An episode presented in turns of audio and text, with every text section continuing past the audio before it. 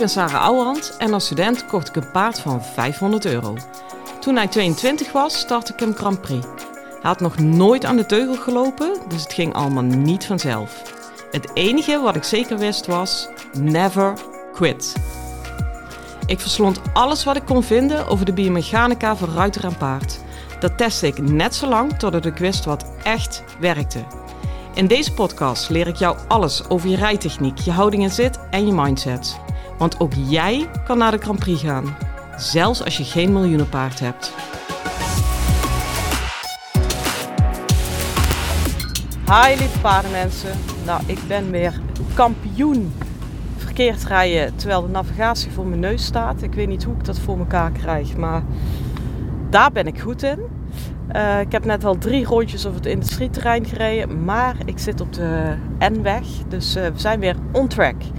Ik ben namelijk uh, op weg naar een clinic in Friesland. Dat is voor mij echt een takkeneind rijden, maar wel voor het goede doel. Ik heb morgen acht ruiters op de mat en acht de baan. En op de mat bedoel ik altijd, ik geef een workshop daarbij uh, zonder paard, dus op, op, op de fitnessmat, dan moet je daar niet meteen van in de error gaan.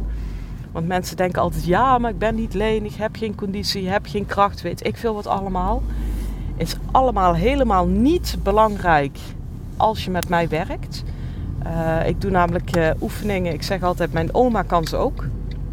Het zijn super simpele oefeningen, maar met een mega effect. En het effect is altijd dat je beter in je ruitergevoel komt. Ik kan namelijk uh, je heel veel oefeningen geven, waardoor je, nou noemen ze het probleem, als je zegt ik de linkerklop. Dan kan ik je op de mat een oefening geven, waardoor jij precies voelt welke spieren, welke gewrichten je hoe moet gebruiken om een goede linkergalop te rijden. Nou, ik heb het nou over de linkergalop, maar ja, neem het. Dan heb je het meteen over linkerbuiging heb je het ook over de linker pirouette. Dan heb je het ook over de appiëmenten naar links. Dan heb je het schouder binnenwaarts naar links. Dat hangt allemaal op dezelfde manier samen met het gebruik in dit geval van jouw binnenheup, jouw linkerheup. Uh, daar beginnen wij morgen mee. En wat ik altijd super leuk vind om het daarna nog te integreren in uh, het rijden zelf. Want ik vind het mega waardevol om oefeningen zonder paard te doen. Um, het is eigenlijk heel dom dat wij alles willen uitvinden terwijl we al in het zadel zitten. Want dan heb je namelijk het paard ook nog te handelen. Dus trek het altijd eerst uit elkaar. Je moet eerst jezelf kunnen handelen, letterlijk.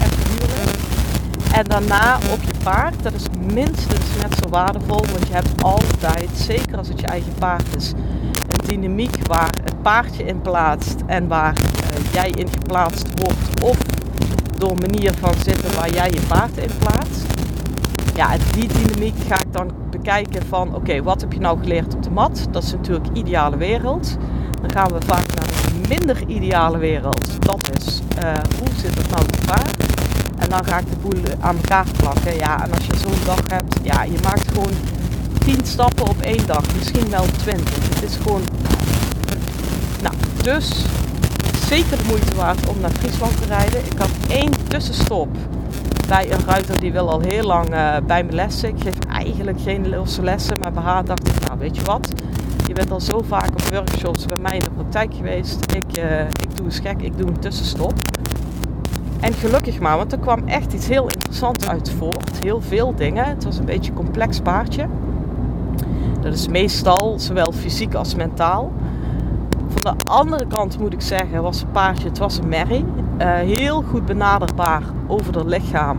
Terwijl ze toch ook nog hengstig was. Dus dat, ja, weet je, dat vind ik dan toch wel heel iets positiefs van het karakter. Ze gaf luid en duidelijk aan wanneer het moeilijk werd. Maar ze bleef wel in gesprek, zoals ik het altijd noem.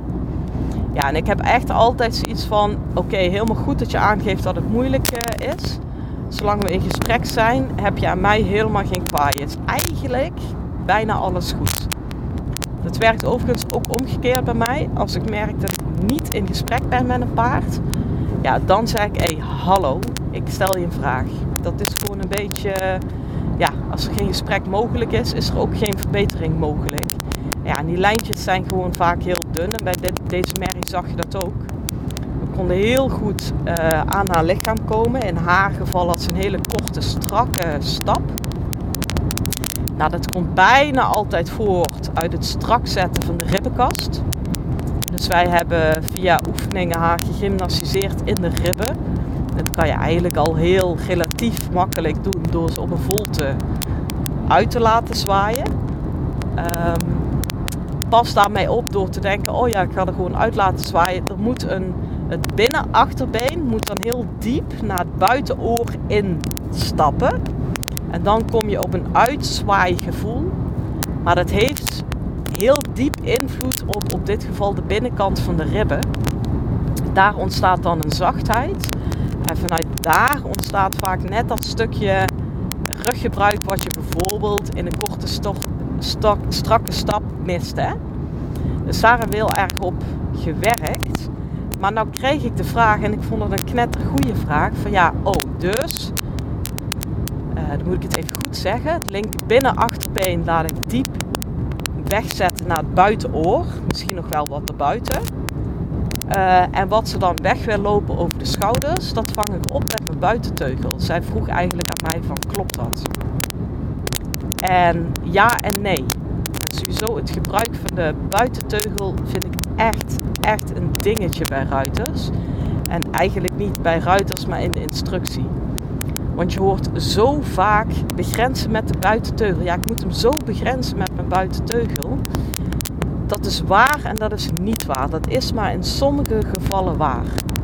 Kijk, als je naar die schouders kijkt, als je door die buitenschouder heen knalt, dan kom je in de zone terecht van begrenzen met de buitenteugel, zoals uh, de mainstream dat zegt. Uh, ik, ik, ik nuanceer dat eigenlijk. Als je namelijk al zover bent dat een paard met, nou wat wegen ze, tussen de 600 en 800 kilo.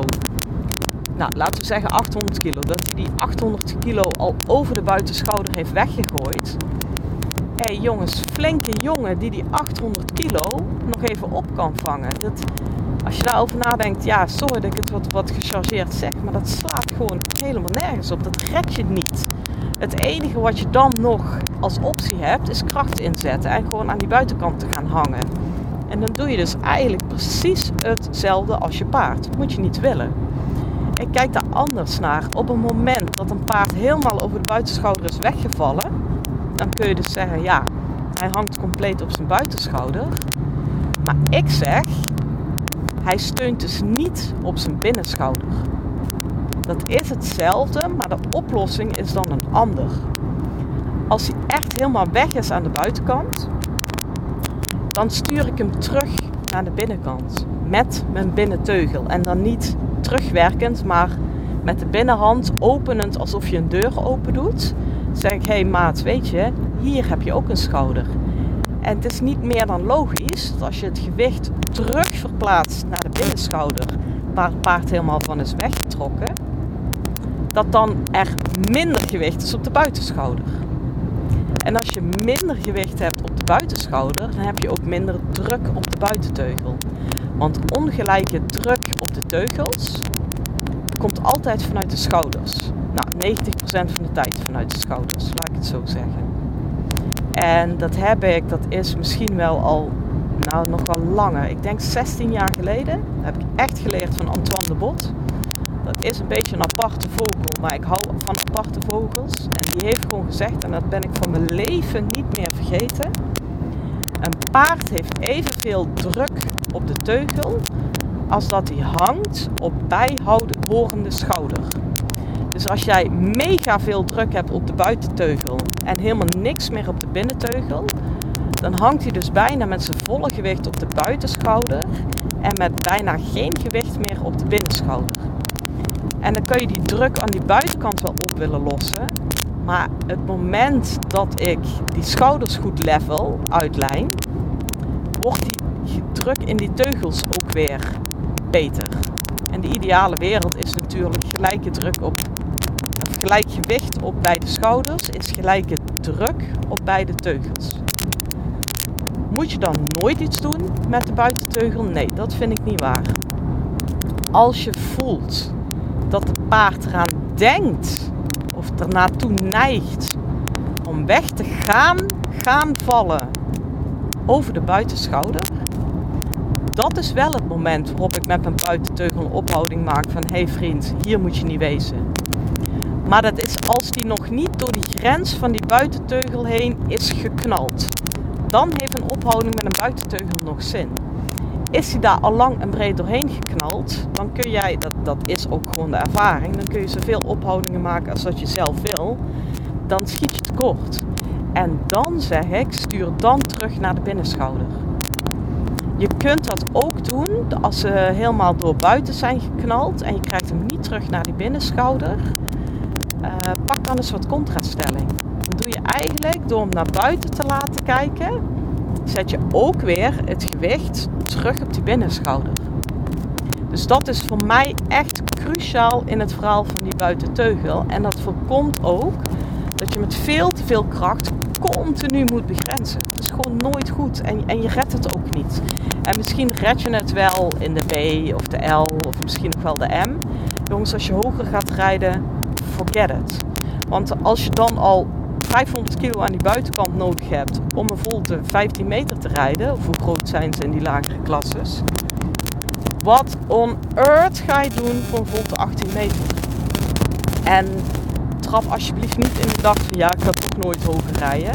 Ik heb dat punt in de eerdere podcast ook al eens gemaakt. Je moet altijd rijden alsof je ooit Grand Prix gaat rijden. En dat is ongeacht of je daar ooit gaat komen. Want dit is weer zo'n typisch voorbeeld. Als je rijdt alsof je ooit in de Grand Prix komt, dan maak je die buitenteugel in orde. Want dan weet je, als ik straks een pirouette moet draaien, ja, ik, ik krijg die 800 kilo gewoon niet meer om. Dan moet ik hem gewoon heel fijntjes kunnen sturen in de schouders. Dus dat wilde ik echt een keer gezegd hebben over die, uh, over die buitenschouder. En zeker als je gaat gymnastiseren op die, op die ribben en op die binnenheup van een paard, heb je dit echt nodig. Durf dan eens een keer contraststelling te nemen. En ga vooral eens puzzelen vanuit de gedachte, het paard neemt evenveel druk aan als dat hij hangt bij horende schouders. Ik heb daar bijna al mijn oefeningen in ontleed. Als je bijvoorbeeld naar een keertwending kijkt, komt het ook heel duidelijk terug. Hè? Oh, dat, mensen maken dat zo ingewikkeld. En dan is het heel hoop gevring met een dichtgeknepen binnenkant. En dan proberen ze nog via die buitenkant over hun eigen dichtgeknepen binnenkant dat paard heen te tillen. Ja, uh, misschien lukt het, maar mooi wordt het nooit. Dus doe dit in de basis. En zie dan ook uh, dat je dat hebt, nodig hebt in hoeken, in voltes, in, in schouderbinnenwaas. Overal komt het terug. Dus zorg alsjeblieft dat dit voor elkaar is. En ik heb het al gezegd, maar ik vind het zo belangrijk omdat het voor mij een cruciale nuance is. Maak voor jezelf onderscheid tussen is het paard van plan, neigt hij om over die buitenschouder weg te vallen, dan maak je een ophouding aan de binnenkant, buitenkant. Zou ik het bijna verkeerd omzeggen, hoor je? Dus dan maak je een ophouding aan de buitenkant. Is die daar al lang en breed doorheen gevallen, dan stuur je hem terug naar de binnenschouder. En dat gaat voor zowel jou als je paard heel veel kilo's in de hand en de mond schelen. Nou, heb jij nou een oefening waarvan je denkt, ja, alles leuk en aardig, maar ik kom hier echt niet uit. Hoe zit dat dan in die schouders? Weet me alsjeblieft te vinden. Je moet altijd even zeggen hé, hey, uh, zus of zo. En uh, ja, ik trap op het gas, jongens. Het is een kortere podcast dan dat je van me gewend bent. Maar in dit geval kan ik toch echt zeker wel zeggen, kort, maar krachtig. Kort met een gouden ingrediënt. Ga hiermee aan de slag en dan wens ik jou een hele mooie dag en veel plezier met je paard. Hoi!